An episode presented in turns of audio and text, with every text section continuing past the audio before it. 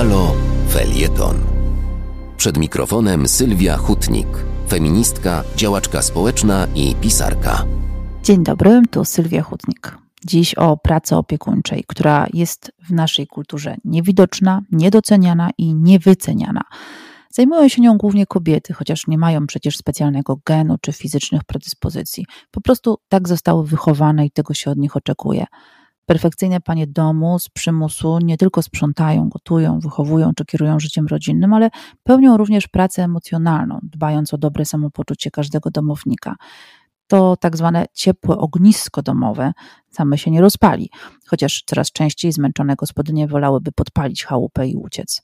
Czas pandemii oczywiście wszystko podkręcił. Nie tylko bowiem spędzamy więcej czasu w czterech ścianach, ale spędzamy go z innymi osobami. A większość z nas mieszka przecież w dość ciasnych mieszkaniach, a nie rezydencjach Carringtonów z dynastii. Do tego wykonujemy pracę zarobkową, a dzieci uczą się zdalnie. To właśnie home office stał się jednym z częściej dyskutowanych zagadnień. Te z osób, które mogły przenieść życie zawodowe do domu, stanęły przed wielkim wyzwaniem, gdzie postawić komputer, skąd łączyć się na wideo rozmowy i jak do cholery uciszyć współdomowników, kiedy właśnie negocjujemy z klientem. Ja nawet teraz, mówiąc do Państwa, nagrywam to w kuchni, e, a współdomownicy zamknięci są w pokojach. E, pies jest uciszony.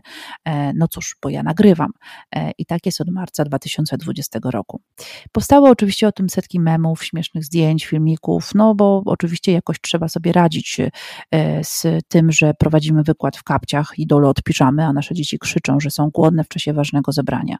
No właśnie, pies szczeka, kurier dzwoni, obiad się przypala, a tu na ekranie pokerowa twarz i gadanie do kamerki.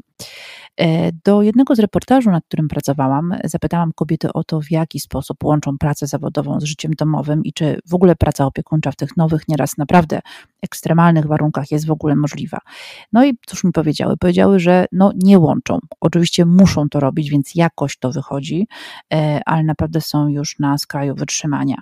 E, jedna z nich została zmuszona do pracy na czarno, ponieważ według prawa nie mogła pracować. Ma syna z niepełnosprawnością i wiele, wiele innych takich no, sytuacji życiowych, które uniemożliwiają jej e, życie na jakimkolwiek poziomie. To jest niekończące się szukanie e, czasu, szukanie możliwości dorobienia, możliwości e, spędzenia chociaż trochę czasu ze współdomownikami, ale też zrobienia swojej pracy dobrze, bo nie chodzi o to, żeby ją odklepać, tylko żeby w jakikolwiek sposób ona była przydatna.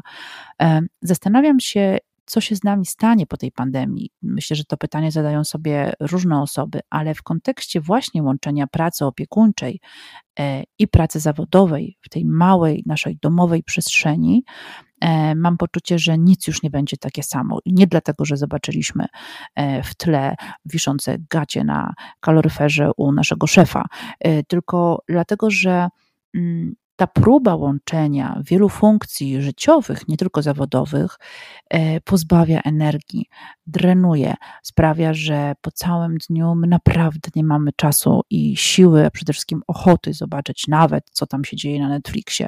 W tym sensie wydaje mi się, że e, jeśli już ta sytuacja się jakoś unormuje i pandemia zniknie, albo przynajmniej się zminimalizuje na tyle, abyśmy mogli i mogły wyjść z domów i wrócić e, w miejsca, gdzie dotychczas e, e, pracowaliśmy, to trzeba będzie wielu, wielu bo ja wiem, warsztatów, szkoleń, a może po prostu pomocy psychologicznej dla tych osób, które wyszły z piekła, bo dom, nawet jeżeli jest tworzony przez kochane przez nas osoby e, czasem potrafi nieźle dać kość. Pamiętajmy o tym zawsze wtedy, kiedy widzimy zmęczoną kobietę na ekranie Zooma czy e, innego programu do e, rozmów online i kiedy będziemy słyszeć z zakadru, jak drze się jej dziecko.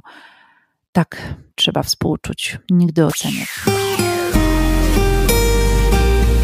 Do wysłuchania kolejnego felietonu Sylwii Hutnik zapraszamy w następny czwartek o godzinie 9.50.